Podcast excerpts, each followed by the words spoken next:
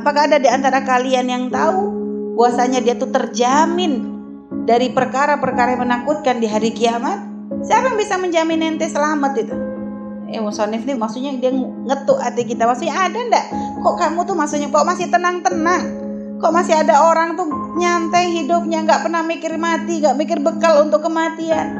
Emangnya siapa yang menjadi jaminanmu itu loh? Bahkan yang dikasih jaminan surga aja nggak tenang-tenang kok. Sayyidina Abu Bakar As-Siddiq dapat jaminan surga nggak tenang-tenang kok. Malah beliau terus borong kebaikan, gak ada kebaikan kecuali dilakukan oleh beliau dan selalu paling semangat, paling dahulu, paling utama dalam melakukan kebaikan. Padahal siapa beliau? Orang yang sudah dijamin surga. Yang Nabi sendiri pun sudah ngasih isyarat banyak.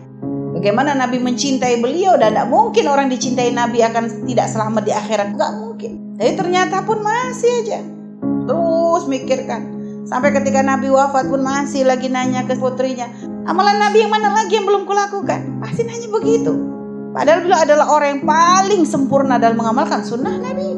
Paling bagusnya. Tapi pun ternyata gitu. Nggak, nggak pernah merasa punya surga. Lah kita yang nggak dapat jaminan tuh kadang kok nyantai-nyantai tuh gimana gitu lah. Siapa yang menjamin kok kadang kita tuh enak banget kayak gak mati-mati hidup kita itu memang kematian itu perkara unik. Dia kini nggak ada orang yakin bahwa dia tak akan mati. Nggak ada, nggak mungkin. Bahkan Fir'aun pun tahu kok dia akan mati.